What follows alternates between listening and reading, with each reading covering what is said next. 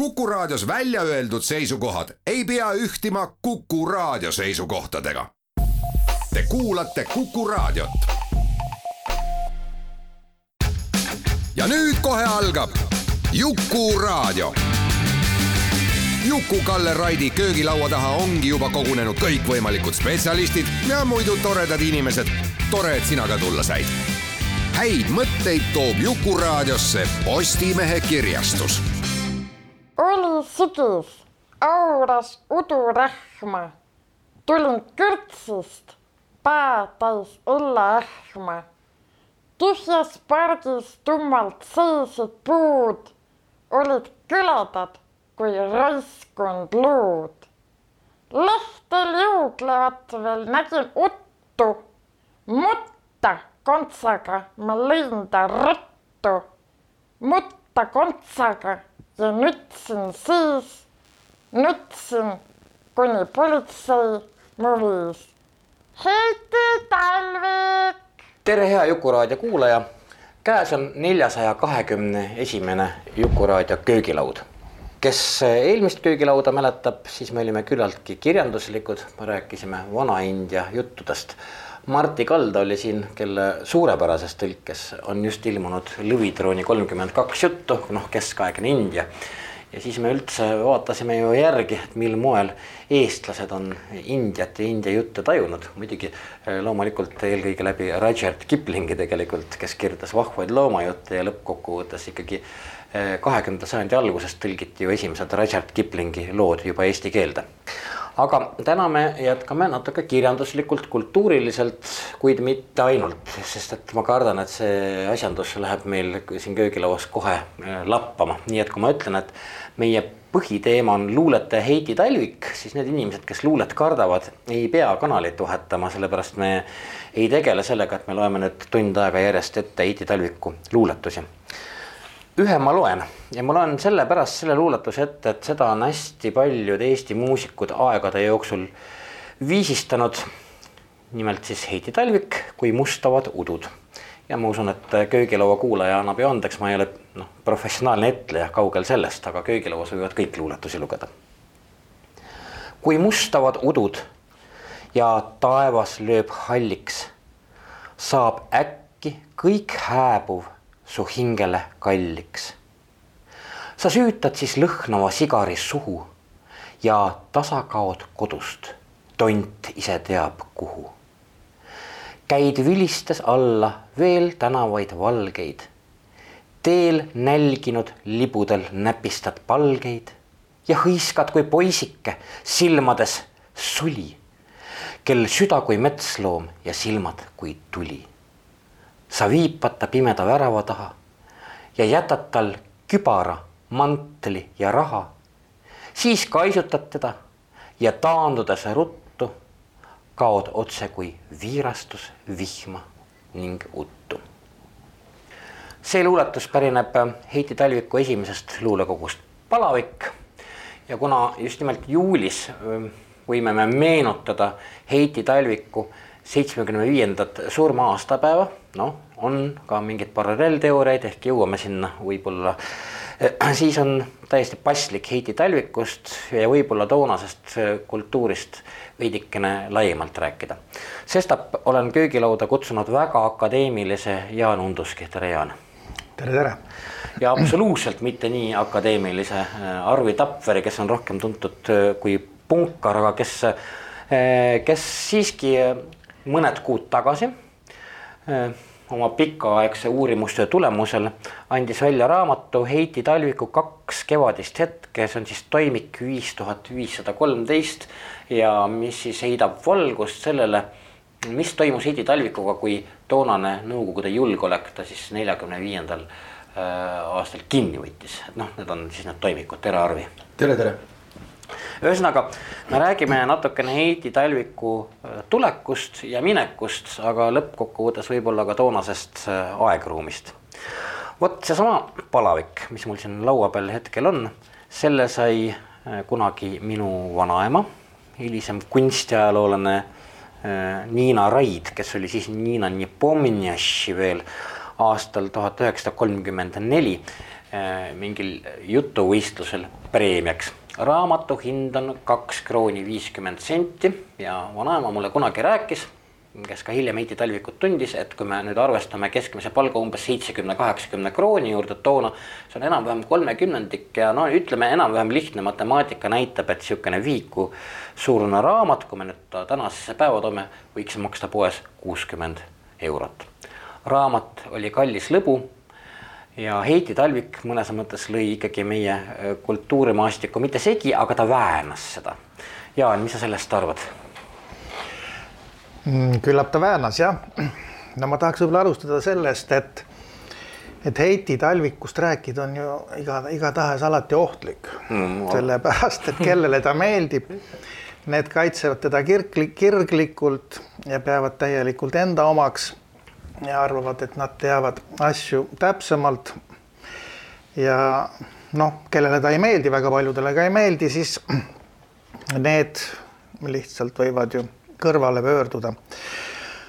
aga Heiti Talvik, jah, sinul oli selline õnnis vanaema, kellele kingiti tema palavik, Heiti Talviku yeah. esimene luulekogu. aga tegelikult kumbagi tema luulekogu ei, ei palavikku ega, ega kohtupäeva ei ole ju olnud peaaegu iialgi antikvariaatides saada, see on see, need on sellised raamatud, mis, mis ei ole üldse liikunud. ja see tähendab seda, et pärast teist maailmasõda ilmus ju Heiti Talviku luulet ainult paguluses, siin Ants Orase kokku pandud, kogutud luuletused kodumaal, aga alles kuuskümmend, tuhat üheksasada kuuskümmend kaheksa.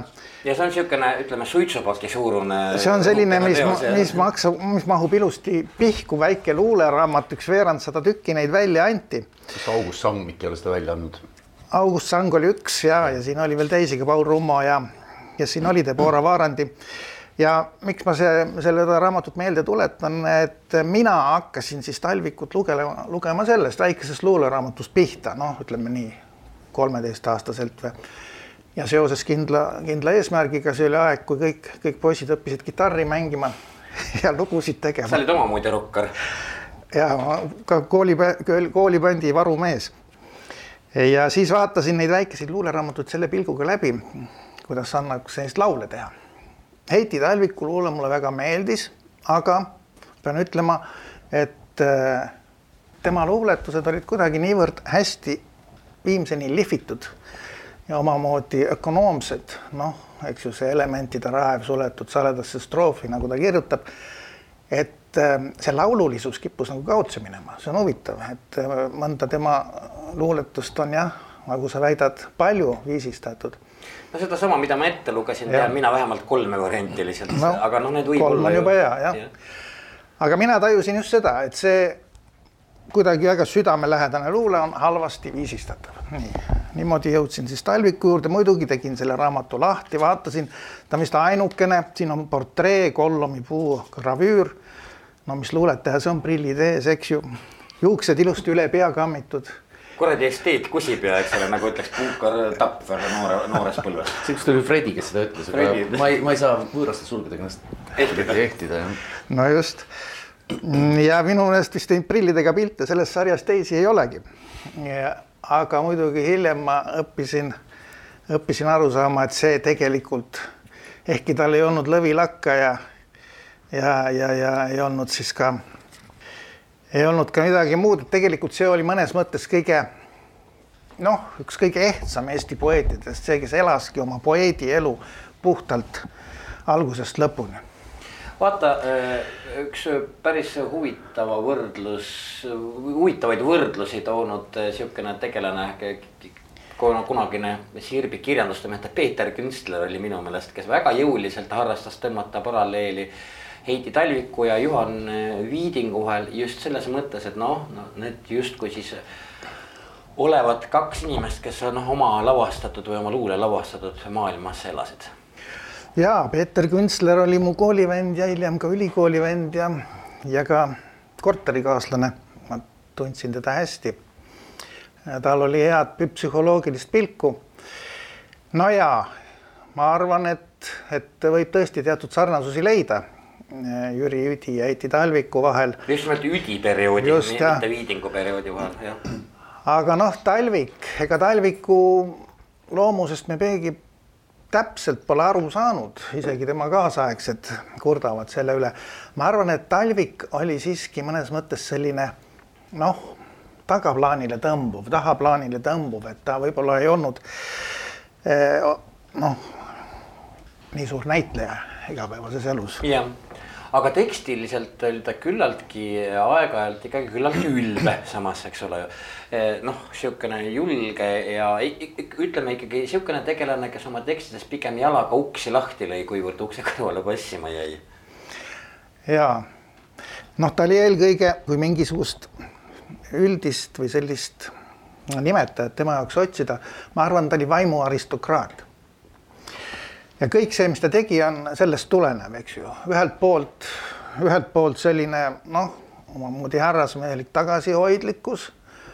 aga teiselt poolt vaimuaristokraat võib teha kõike, ta võib olla obstseönne, ta võib äh, libusid näpid, näpistada, nagu sa lugesid, ta võtab viina, äh, sest ta jääb ikka selleks, kes ta on, telg on kindlalt paigas ja, ja seetõttu tal on omamoodi kõik lubatud tal ei ole seisuse selliseid kammitsusi. ja eks kui taha Talviku luulet lugeda, siis seal ju ongi kõik need nii-öelda kodanlik maailm on pea peale pööratud, eks ju, üldiselt. et poomine saab omamoodi pulmaks. just. võllas, see on nii-öelda rahvast ühendav ja mingi sümbolika. ristapuu, eks. see laev oli selline. ja võllas on ka armastus, eks ju, nii nagu armastaja käed ümber kaela, nii on see silmus ümber kaela. et ta noh, mõtestas selle asja nagu pahupidi maailma võtmes läbi ja muidugi noh, omamoodi. vaat tema oli ju selline mees, keda, kes luuletajana oligi, ütleme, Karl Ristikivi või Edgar Allan Poe, kes luuletasid vähe, eks ju. Kuigi Ristikivi noh, sinna kõrvale kirjutas terve mäe proosat ja Põu ka. aga Ristikivi siiski piirdus ühe raamatuga, Talvikul Talvik oli kaks. aga just nimelt, Talvikul oli poole rohkem aga, aga ta, tema nägi luuletaja olemust ilmselt just selles, et sa kannatad, sa otsid. Äh, noh sa, sa proovid kuhugi jõuda, see on väga raske ja siis lõpuks hakkab tulema mingi kristall ja vot see siis, siis kui see on juba enam-vähem tajutas, siis sa lähed alles paberi juurde või noh, siis sa teed selle asja valmis, nii et selline noh, igapäevane kirjutamine lihtsalt, et kirjuta nüüd ühe kogutäis ja siis teise kogutäis, see, see ei olnud talle omane Heiti Talvik selles mõttes, kui me nüüd tuleme tuhat üheksasada kolmkümmend neli, nagu ma ütlesin, tema esimene luulekogu ilmus. muuseas, siinsamas siin raamatus on tekste aastast tuhat üheksasada kakskümmend viis näiteks ja, ja, ja nii edasi ja ühesõnaga ta, tõepoolest. Eh, ta ei kulutanud ju ka, ta ei tegelenud sellega, et kulutada kirjastuste uksi, et, et saada, saada nagu oma esmakogu avaldatud. vaid jah, pigem tõepoolest lasi asjal kristalliseeruda. nüüd mingil moel ta kolmekümnendate aastate Eesti kirjandusest äh, äh, erineb ikkagi hüppeliselt.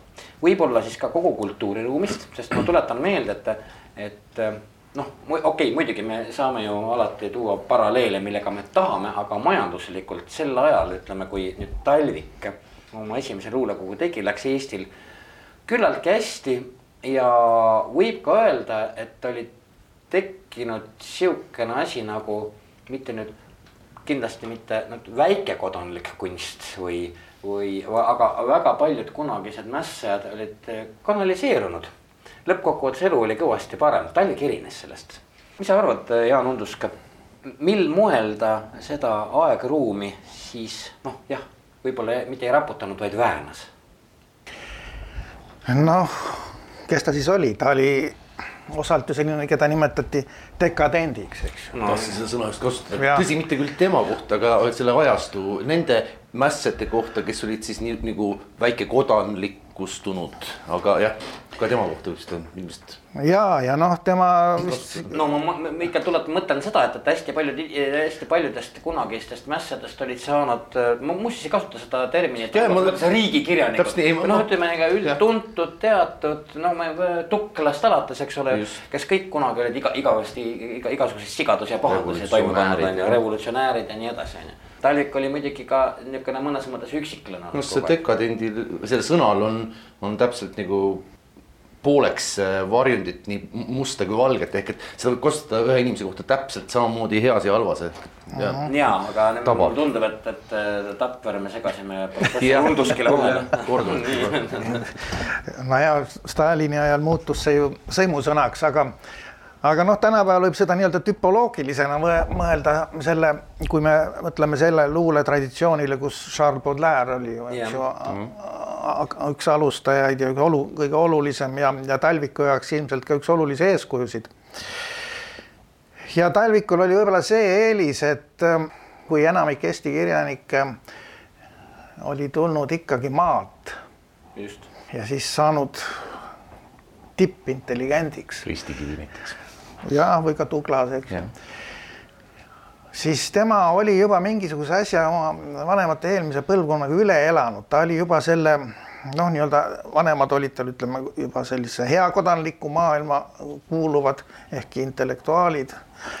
ja tema oli siis nüüd nagu nende järeltulija, et ta mõnes mõttes oli teatud asjadest juba noh, nii-öelda üle elanud, ta võis olla kuidagi no ka teise põlve värk. jah, kuigi ma ei taha, noh, selliseid oli palju, aga talvikuid oli ainult üks, eks ju siis, siis siin on ikkagi see, no mingit tausta see võis ju mängida.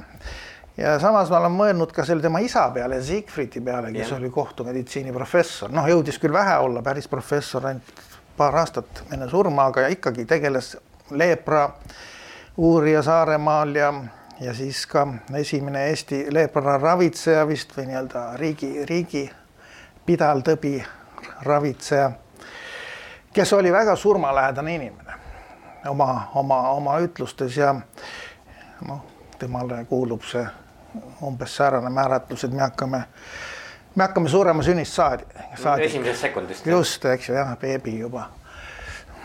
ja, ja, ja selline isa, isaga ta oli vist küllaltki lähedane, isa oli heitlik, närviline, ühelt poolt rahvuslane, teiselt poolt saksa kultuuri peal kasvanud, noh, selline väga-väga põnev tüüp. väga põnev tüüp, kellega Heiti vist oli küllaltki lähedane, ehkki neil olid omavahel pinged ja, ja sealt võis ju ka midagi tulla, kirjandus, eks ju, isa mõju, siis ütleme sellised sotsioloogilised taustad, loomulikult siis kõige tähtsam ikka oma isiksus oma isiksus, kuskil pidi see, see põhjas seal olema, et talle meeldis, talle meeldis ähm, talle meeldis näidata, et teda see materiaalne maailm eriti ei, ei huvita. ja täpselt ja seda on, seda on hästi tajuda ja muuseas ka eh, nii palju, kui Talvikust noh, ütleme tema kaasal, kui ta luu, luulekogusid needsamad kaks tükki tegi, eks ole ju. siis kui vaadata toonast ajakirjandust, siis ta, tas on üldiselt hästi vähe juttu, aga jah, et, et noh, ikkagi mm, ütleme, temaga ei osanud kaasaegselt eriti midagi peale hakata ta, ta oli nagu sellest jah, materiaalsest loogikast väljas. Ta oli väljas ja temal puudus see, no ütleme, edevust võib olla ju mitmel tasapinnal, mitmel ta tasapinnal on selline looja edevus, mis on sügavam edevus, et sa ei taha viletsat asja rahva ette saata, et see, mis läheb trükki, see peab olema parim. Aga on ka sellist teistsugust edevust, mis käib ja noh, liputab, et mina olen poeet ja mina nii ja nii ja ta ja vot seda tal ei olnud. Ja, ja sellel pinnal ta ei haakunudki kirjand-, kirjanduslike ringkondadega väga olulisel määral, ta käis ju rohkem pigem üliõpilas. ja noh, ütleme väljastu ringides, aga mitte, ehkki ta oli ka Kirjanike Liidus tegelane ju vahepeal. ja üks väga oluline asi, ma ise hakkasin mõtlema no, selle saate ees, et Pet-, ähm, Heiti Talvikust on meil nii-öelda vähe andmeid või tema enda luulest teda päriselt välja ei nagu muugi. ei loe, ei see loe. see ei ole nii väga isiklik, vaid see on ka vaatlev tihtipeale. jah, just ongi, aga et me saame küllaltki palju tema kohta teada Betty Alveri luulest. tema, eks ju, abikaasa, kellele ta ise oli inspiratsiooniallikas ja siis olid need vastastikus need suhted ja mulle tundub, et Betty, kui Heiti Talvik räägib rohkem minast, ta mm. seda mina, ta on hästi tundlik, samal ajal ta tahab näidata, et ta on hoolimatu oma mina suhtes, noh, seal ongi nagu ikka jälle seal pendeldab seal vahepeal, siis Betty Alveril on ju sageda see meie ja sina. ja vot see meie ja sina minu meelest suures osas selle nii-öelda tagaplaani loobki Heiti Talvik see meie, kui Alver ütleb, meie teeme, meie läheme, meie rändame. me võime sinna taha selle sihtmärgina mingisuguse eeskujuna minu meelest kujutada talviku, eks ju, mõnikord tuleb see hästi välja, sina lugesid talviku luuletuse, kas ma võin Alveri luuletuse? loe muidugi. no see on üks luuletus Raugand. kolm salmi, õlal valged juuksed, sammus raudne raskus, ootad mind sa pargis kord, novembri iilis, november talviku sünnipäev samuti kui köiteid sinu mantli taskus, aimub küpsi mõtteid roomlase profiilis. jälle talvik.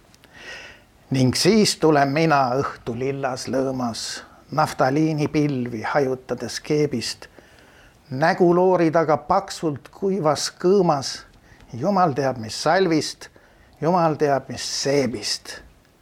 meie matk on raske, külmand rada reetlik kuu ja tähed kaovad taevast keskaegu. kuid me ees käib luule, noor ja majesteetlik, lampi kõrgel hoides täpselt nagu praegu. noh, võimas luuletus. võimas luuletus ja absoluutselt noh, aimub jah, kuidas Betty Alver äh, Talvikut nägi tegelikult. jah, ja nii nad noh siin ei maksa liiga vulgaarseid, eks ju, paralleele tõmmata, aga aga see Seiti talviku kuju aimub Veti ja Alveri luule tagant minu meelest tihtipeale väga tugevasti. Et see on, see on võib-olla ka oluline tema mõistmiseks.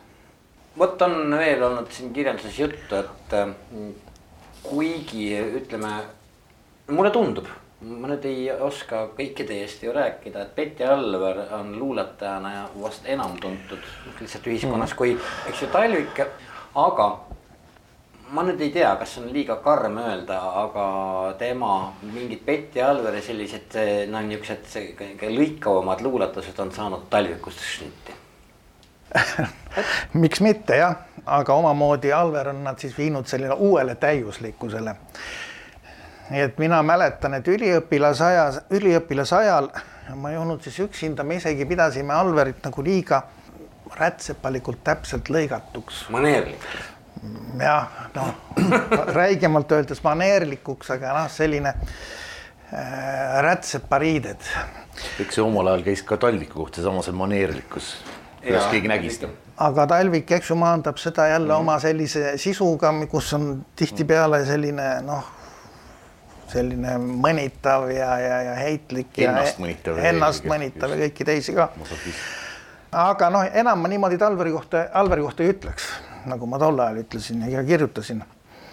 Äh, ja, ja siis tõepoolest on siin ju näiteks minu meelest Jaan Kaplinskigi hiljem avaldanud arvamust, et need kaks luuletajapaar, et nad olid, jõudsid vormis täiuslikkuseni, aga, aga noh, sealt üle enam või sealt edasi ei läinud mina nii ei ütleks, et ähm, ikkagi, ikkagi omamoodi suurepärane no ma seda Alveri šnitti võtmist ütlesin meelega, kuna mulle alati meenub, ma tõesti ei mäleta, mis kuradi Alveri luulekogu see täpselt oli. Aga point on, see oli jube talviklik, kuidas noh, luuletus kirjeldab seda, kuidas sa oled armsa kaisus, eks ju, aga siis surusin nina, eks ju, vastu külma seina ja hinges tundsin suurt ja põletavat leina.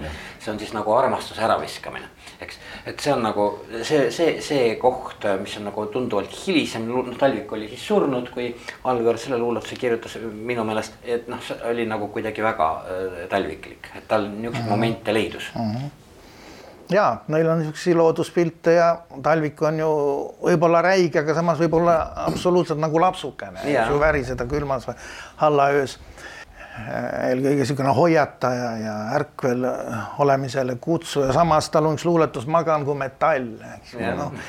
sellega nagu Majakovskile kõrkinud. jah, või, või Metallika. Metallika. et sellised kindlasti jah, üksteist on nad toetasid ja mõjutasid kõvasti mõlemat pidi.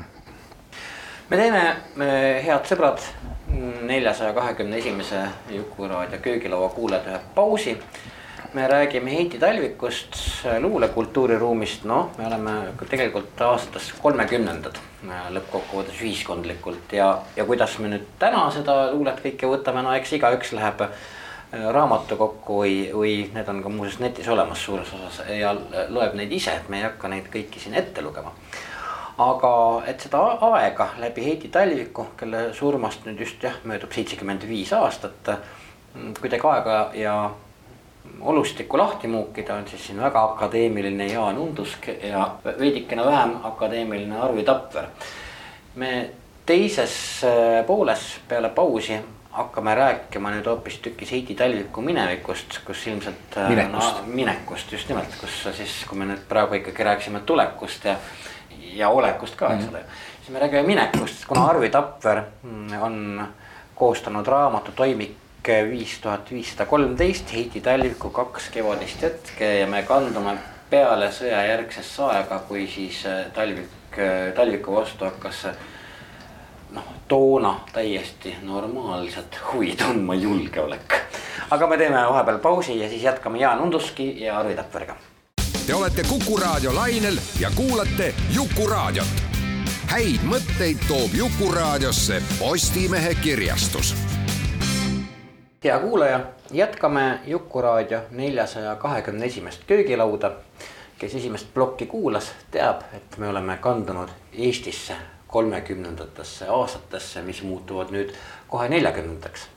ja kuna meie noh, tõepoolest väga erandlik klassik Heiti Talvik, ähm, kelle surmast just nimelt juulis nüüd möödub seitsekümmend viis aastat, annab meile piisavalt alust sellesse aega sukeldada, siis köögilauas on äärmiselt akadeemiline Jaan Undusk ja nagu ennegi öeldud korduvalt, vähem akadeemilisem Arvi Tapver aga ometigi nüüd teises pooles ilmselt äh, läheb pall Arvi kätte, kuna talvikust ja epohhist rääkides, kolmekümnendatest me jõuame paratamatult neljakümnendatesse, niiviisi see aeg juba kord meil ju käib. ja Arvil on raamat Toimik viis tuhat viissada kolmteist, Heidi Talviku Kaks kevadist hetke ja tegelikult äh, see on siis Heidi Talviku. noh, need ongi Heidi Talviku viimased hetked. martüürium. martüürium jah, täpselt nii. selle eelmise saateploki kohta tahtsin öelda, et minu meelest Talviku, tõsi, natuke ka Alveri kohta käib see, et nad olid natuke läbi elu oma legendide ohvrid. Äh, mitte, et nad ilmtingimata ise oleks neid ohv-, äh, ohvreid tahtnud teha või, või, või äh, neid legende loonud. toon täiesti jabura võrdluse ilmselt, aga näiteks seesama Talviku enda noh, kergelt maha tegemine või maneeritsemine iseenda arvelt või noh, sihuke värk luules. meenutab mulle natuke Tavlatovit, nii naljakas, kui see praegu ilmselt ei tundu. aga see meenutab muuseas ka mingit äh,, mingit Eesti pungi paremaid. kindlasti, kindlasti, aga ma pean silmas just seda, et, et kuidas inimene äh, mängibki seda mängu nagu ennast kuidagi siukseks kurvaks klouniks äh, tehes kui, kui te saate aru võrdlusest. ehk et see no, selline äh,. saame küll. akadeemiline, akadeemiline undus, kas. literatuurne saame aru küll, see oli kindlasti osalt ka mänguline, aga mm -hmm. ma arvan, et see oli ka aus mäng Talvikul mm. -hmm. sest juba John Keats on vist mm -hmm. kirjutanud seda, et, et, et poeet on kõige, kõige vähem karakteerne inimene, tal ei ole karakter, karakterit, peab olema kõik, eks ju ja selle all ta kannatab, talvikul on, eks ju, needsamad kannatused, ma iial mm. polnud eht, noh mm -hmm.. meie ütleme, et ta oli kogu Just. aeg eht mm., aga samas me saame väga hästi aru, et kuidas ta ise, ise nagu otsis ennast ja see. ta kindlasti oli väga enesekriitiline, väga ja. nõudlik enda suhtes. ja see võis olla ka üks allikatest muuseas, ennem kui me nüüd läheme neljakümnendatesse mm., loen ma ette ka veel ühe, kuna me eelmist plokki alustasime Talviku luuletusega. Äh, Jaan Undusk äh, suutis vahepeal äh, lugeda ette ka ühe Betty Alveri luuletuse, kus me, milles me siis noh, aimasime või, või tahtsime tunda Talvikut. aga Talviku, mis siis ilmselt sobib meil selle Talviku mineku plokile, on siis pohmaluslikke mõlgutusi, see on siis esimene osa, kaks salmi ja võib-olla ma siis kannan selle oma ebaprofessionaalsel viisil köögilauas ette. ah, ma teadsin juba noorelt, raheroosk mu rapsab toorelt ja ma kukun valmimata kõrgelt elupuust. kukun viljaks valmimata ja mu laul jääb salmimata.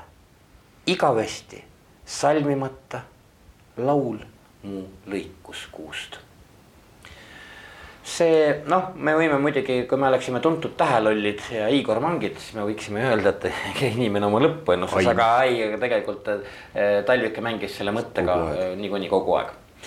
aga nüüd me tuleme tõepoolest sinu, Arvi Tapper, sinu toimiku raamatu juurde mm. -hmm. sa tegelesid sellega mitu aastat, noh, ühesõnaga uurides arhiivist välja, et mis ikkagi mm. toimus, kui. Talvik mm. kinni võeti ja siin on hästi palju ülekuulamisprotokolle. peamiselt ongi see. no just nimelt, peamiselt ongi see, et, et, et seepärast ma ütlesingi, et, et sa oled nagu koostaja, mitte kirjanik selle raamatu suhtes, eks ole, et, et räägime nüüd äh, veidikene sellest, kuidas Talvik kinni võeti, mis siis edasi sai. Mhm.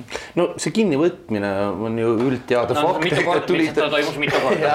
ei, ei nad võtsid ühe korra kinni, viisid kodunt ära ja ega ta koju tagasi enam ei jõudnud. eks see on selline lihtne vastus. teine noh, natuke pikem vastus, ma üritan küll selle ka lühidalt teha, on see, et äh, äh põhjuse justkui oleks andnud, noh, aeg oli ka juba selline nelikümmend viis, et äh, julgeolek otsis siis äh, neid kodanlikke natsionaliste, tõsi, oleks hoopis hullemaidki leidnud, aga noh, olgu peale. Heidi Talvik oli märgiline kuju, igal juhul ta oli luubi all, see on selge. absoluutselt, ehk äh, mina üritasin legende natuke lõhkuda, ma ei tea, kas kompenseerides siis seda, et, et Talvik oli sihuke äh, legendide ohver, aga mõte on selles, et äh, mina teadsin seda enne, kui ma või noh, olin kuulnud äh, sinna arhiivi üldse läksin. Mul lihtsalt sattus kätte üks üheksa lehekülge protokolle, lihtsalt koopiaid ja sellest äh, see kõik hakkas kuidagi hargnema, nägin seal huvitavaid äh, allkirju nagu Boriss Kummi oma ja seal vist oli. me peame nüüd täpsustama. Boris Kumm, palun, me peame. tema oli julgeolekuminister. täpselt, see oli ja Eesti NSV esimene julgeolekuminister. just ja. ei, vabandust, teine, peale seda esimene. täpselt nii, jah, jah ja, ja Idel Jakobson siis tema alluv, kes isiklikult päris palju inimesi teisi ilma saatis, aga see selleks. mõte on nagu selles, et äh, legend räägib kogu aeg sellest, et äh, julgeolek tahtis talle kaela määrida ja kõigepealt vist spionaaži ja siis julg-, Nõukogude vastast põrandaalust tegevust. spionaaž oli täiesti tavaline värk, ma tuletan teile meelde, neljakümne viiendal aastal mm -hmm. minu meelest oli Helmut Tarand see, keda süüdistati ja. selles, et ta läbi Tiskeri oja üritas Harku järve juhtida Just. Briti allveelaevu. ja see oli täpselt samal ajal kui Talviku ülekuulamised, täpselt sama. ehk et äh, isegi ülekuulaja oli täpselt sama mees, äh, ta tege-, tegutses paralleelselt äh, Tartus ja Tallinnas ja mina arvan, et, et sellest ülepingest, noh, inimene töötas tõsiselt üle. Äh, kui ma vaatan protokollis äh, neid kellaaegu. ületöötanud julgeolekutöötajast. jah, ta töötas niimoodi üle, et tal ei olnud vahepeal aega isegi magada, ehk et ta lasi mõned äh, väiksed vead sisse, kuhu ma kohe tahtsin, tahtsin jõuda.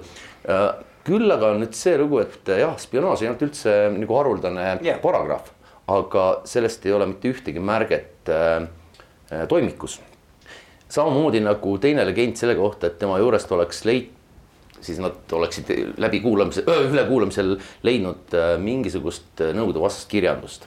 täiesti kindlalt, äh, kui nad oleks leidnud, oleks selle kindlasti märkinud ja poleks vaja olnud poolteist aastat ülekuulamisi. Yeah. sest see oleks kindel paragrahv. tegelikult üritati välja pressida midagi sellist, mida ei ja. olnud. ja esimese ülekuulamise jooksul, esimene ülekuulamine, see oli sihuke formaalsus, ma peast ei mäleta, võib-olla äkki tunnike kestis. lihtsalt äh, täpsustad andmed, kes on isa, kes on ema, sünniaasta, mis iganes äh, rahvus, kuulumine mingisse erakonda, nii edasi. Äh, tunnistab Talvik ülesse, ei ole näha, et, et oleks vereplekk nendel toimikulehtedel. et ta ongi oma olemuselt kodanlik natsionalist tema isa oli kodanlik natsionalist. peame ikkagi tõlkima ja... seda, ta ilmselt ütles rahvuslane äh,. ja, ja no. see, aga ei, noh, see on, see on, see on tõlke küsimus. häda on selles, et Heiti Talvik valis vene keele ilma tõlgita ehk et ta võttis vastu vene keeles ja, ja käekirja järgi võib täitsa arvata, et see võib olla ka Talvik, noh, siin on see kuskil. ega raadiopilti ei näita, aga, aga jah. sinu selles toimik viiskümmend viis, kolmteist raamatus on see kõik olemas. mõned fotod on ja just, just mõte selles, et ma arvan, et äh, see ei pidanud olema füüsiline mõjutamine. piisas täiesti sellest psühhoterrorist, arvestades äh, tollase Eesti haritlase mm, suhtlemistaset ja siis äh, sellist robustset julgeolekutöötajat, milline konfrontatsioon, milline äh, erinev suhted, täpselt nii, jah.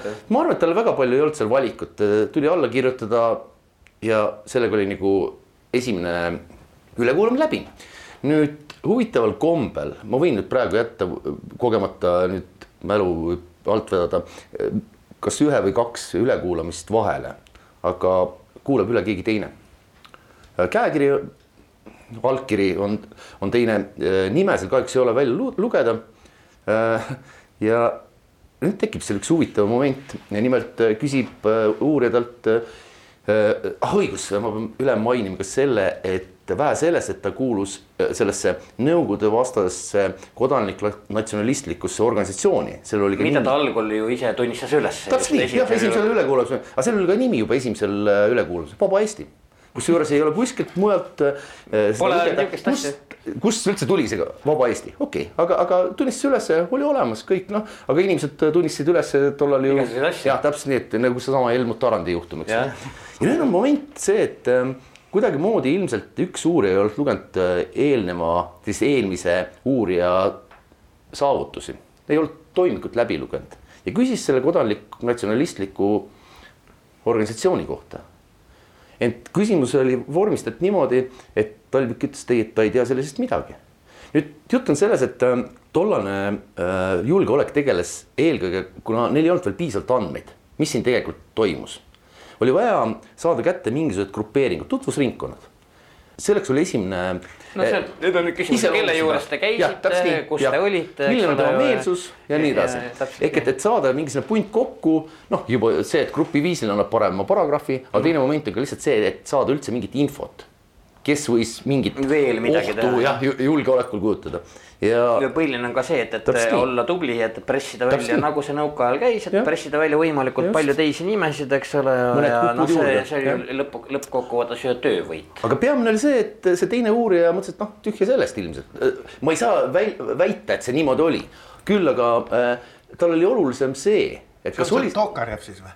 Äh, Tokarev oli, oli see, kes alguses sai kätte ta, vabandust äh, Tutkov oli see. ja äh, Tatkov oli see, kes sai talt kõik alguses kätte, muide tema kuulas ka Tarandit üle. ja Helmut Tarandit äh,. Tokarev tuli mängu hiljem, küll aga see, mm, see vahepealne ehk number kaks uurija nime ei olnud võimalik sealt tuvastada nagu seal nii mõned no, nimed. praegu ei ole seda tähtis. aga oluline on see, et, et Talvik äh, sai vastata, et tema ei tea sellest organisatsioonist midagi Vaba Eesti, no niisugune hea nimi ka muidugi, organisatsioon Vaba Eesti. uurija jaoks ei olnud see väga oluline, sest oluline oli tema jaoks see, et, et, et tühja sellest, niikuinii paneme ta kinni, võtame seltskonna kinni. ja, ja, ja sealt edasi hakkas lihtsalt tema äh, siis Talviku tutvusringkonna nimede taha iseloomustuste hankimine. kõik nad said taha kodanlik natsionalistid, äh, veendunud äh, oma meelsustes. no ja Nõukogude täpselt nii, täpselt nii ja nüüd, nüüd mingi hetk, ma teen äh, lühemalt, põgusalt, äh, kuskil üks, ma ei tea, see oli vist aasta hiljem, ma võin nüüd ajas eksida, oli selline moment, et. ja siis juba Tallinnas, eks ju. jah, täpselt nii siis, siis tuli see, et. täpsustame, algul. tead, ta käis Tartus. algul ja, oli ja. Tartus esimene ja pärast siis juba Tallinnas jah, et, et. mõte ongi selles, et äh, nad viisid ära ju Talviku August Annisti korteris, kus nad elasid Betty Alveriga. ja ainus vihje mingisugusele organisatsioonile oli see, et kaks korda Saksa okupatsiooni ajal käis Talvik äh, Veljestoo koos käimisel. selles samal, samas korteris, samal aadressil, Annisti korteris.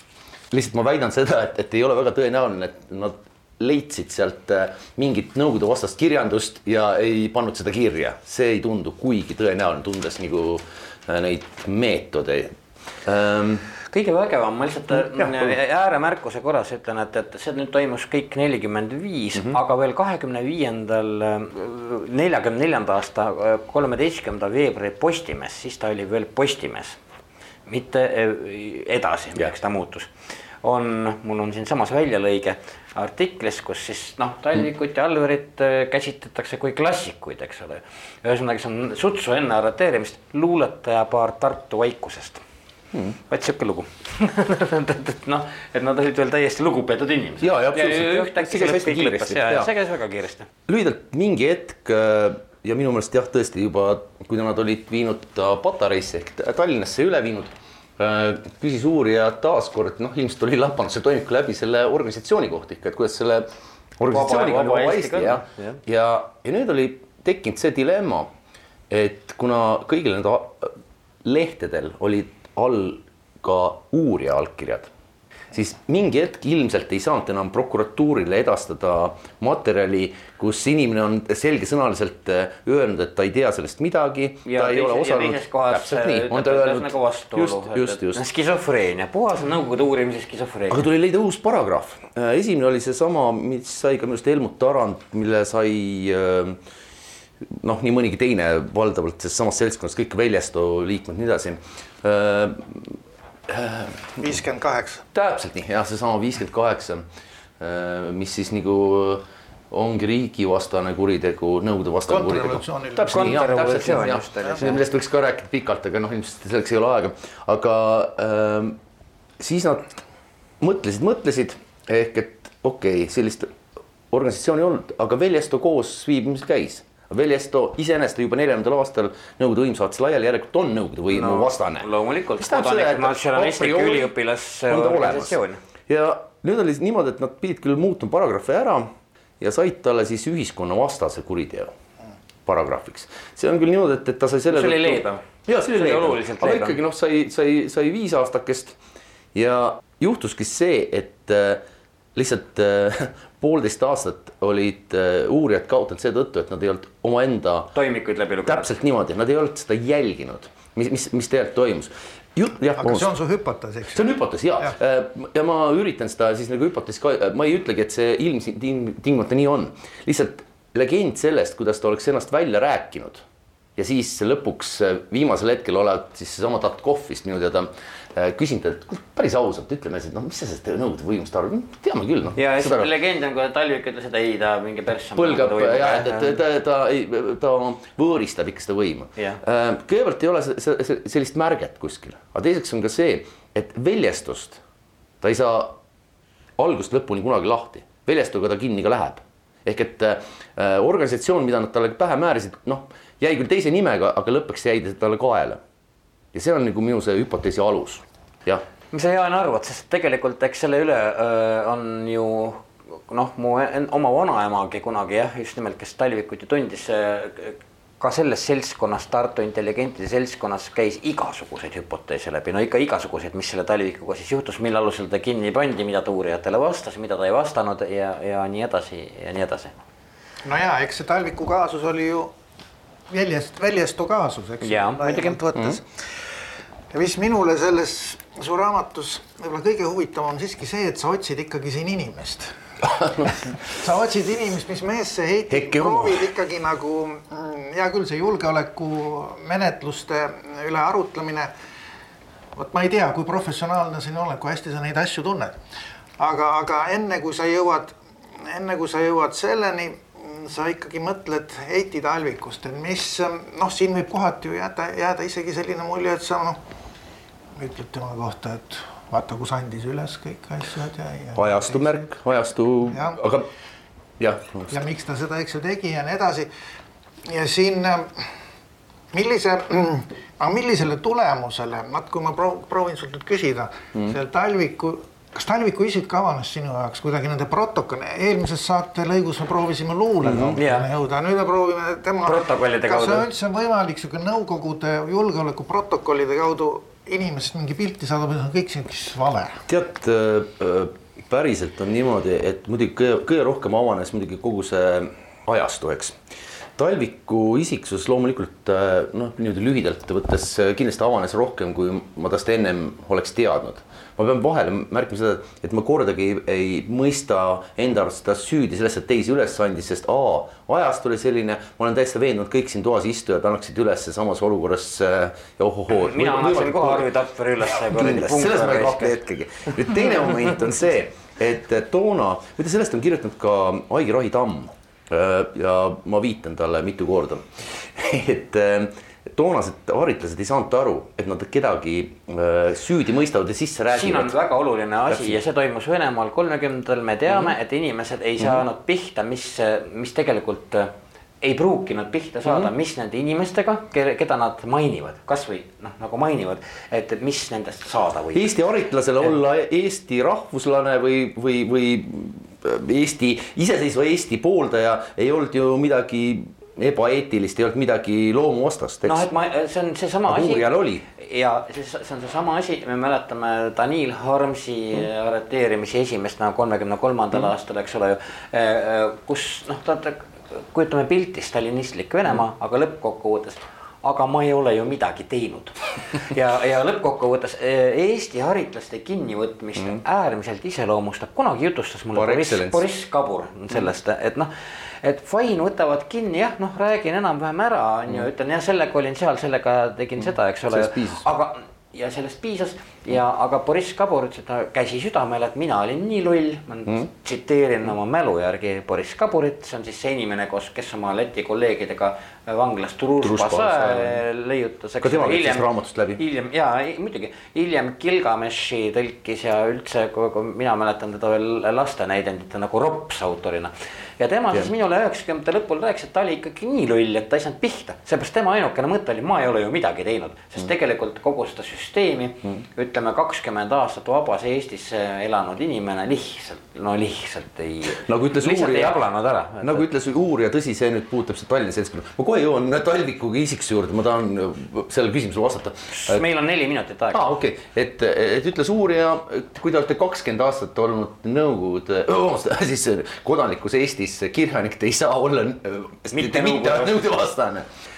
avanes küll isiksus ja, ja ma üritasin teda võtta ilma selle martüürimita, üritasin lihtsalt deduktiivset mõtteviisi harrastada, sest mulle ei meeldi tõesti legendid mulle ei meeldi legendid seetõttu, et legendide taga tavaliselt väga tihti ei ole noh, need tulevad kuidagi tühjast kohast. Ja ma üritasin eh, noh, see on võib-olla natukene liiga palju öelda, aga, aga Äh, avada päris inimest, et talle kompensatsiooni pakkuda moraalselt, eetiliselt mis sa, Jaan, sellest arvad, et kui sa nüüd sirvisid sedasama Tapvere raamatut toimikut, eks ju, viis tuhat viissada kolmteist, kas see siis avas sulle talvikut mingist äh, muust küljest? vaata, ma ei ole toim-, toimikut lugenud ja seetõttu minu noh, arvamus ei olegi nii kaalukas aga ma arvan, et sa päris müütidest, legendidest lahti ei saanud. kindlasti mitte. Heiti, Heiti Talviku esimene luuletus mm, -hmm. eks ju, tema palavikus esimeses luulekogus on legendaarne. ja täpselt mm. -hmm. ja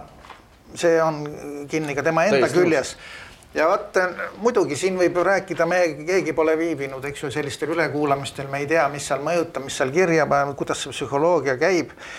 aga ma soovitan seda raamatut kõigil lugeda edasimõtlemiseks ikka, ta on ju etapp aga ma, mina ikkagi, kuna, kuna meil hakkab see köögilaud lõppema, soovitaksin jälle. No Jaan Unduks soovitab lugeda siis äh, Tapveri äh, talviku ülekuulamise raamatut, ma soovitaksin luulest alustada siiski et, et võib-olla see oleks nagu targem variant. ja muuseas äh, enne seda, mm, selle köögilaua salvestamise algust vaatasin ma osta.ee-st, et needsamad Heiti Talviku välja antud asjad on seal kõik müügil ja muuseas seesama kahe suitsupaki suurune või umbes nii suur raamat, see oli seal, ma vaatasin, see oli kuus eurot. mitte kuuskümmend enam. mitte kuuskümmend, mitte kuuskümmend nagu, nagu siis esimese vabariigi ajal noh, kui korrelatsiooni panna, maksis tema esimene luulekogu, vaid jah, tõepoolest see on kuuekas. Heiti Talvik kindlasti noh, mingil moel ta meie, meile Eesti vaimuaristokraatiat kindlasti avab, sest ega lõppkokkuvõttes nagu Jaan Undus ka märkis, et lõppkokkuvõttes ta noh, nagu on mina, aga nagu ei ole ka, et ta on, see on ikkagi ühe mingi sellise ämbliku võrgu üks osa. Omamoodi täiuslik luuletaja mm,. täiesti. kindlasti. absoluutselt head sõbrad, sellega me lõpetame äh, neljasaja kahekümne esimese Juku-raadio köögilaua. äärmiselt akadeemiline Jaan Undusk aitas meil lahti muukida talvikut, seda ajastut ja Mm, äärmiselt deduktiivne Arvi Tapper aitas meil tegelikult äh, mõtestada äh, talviku minekut võib-olla ja ka ajastut, et noh, nii tulek kui minek, me kõik oleme mingis ajas kinni. nii et mina oskan öelda, et nädala pärast on neljasaja kahekümne teine köögilaud, aga Heiti Talvikut, kelle surmast möödub siis nüüd seitsekümmend viis aastat, soovitame, ma arvan, kõik kolmekesi lugeda. kindlalt. just nii. aitäh sulle, Arvi. suur tänu. aitäh, Jaan ja jah, ja kõigega siis äh, mõnusat äh, nädalat kõigile ja järgmise nädalani. head aega. oli sügis, auras udurahma, tulin kõrtsist, pää täis õlleähma. tühjas pargis tummalt seisid puud, olid kõledad kui raiskunud luud. lehtel juuglevat veel nägin uttu, mutta kontsaga ma lõin ta ruttu, mutta kontsaga ja nutsin siis, nutsin, kuni politsei mu viis. Heiti Talvik. häid mõtteid toob Jukuraadiosse Postimehe kirjastus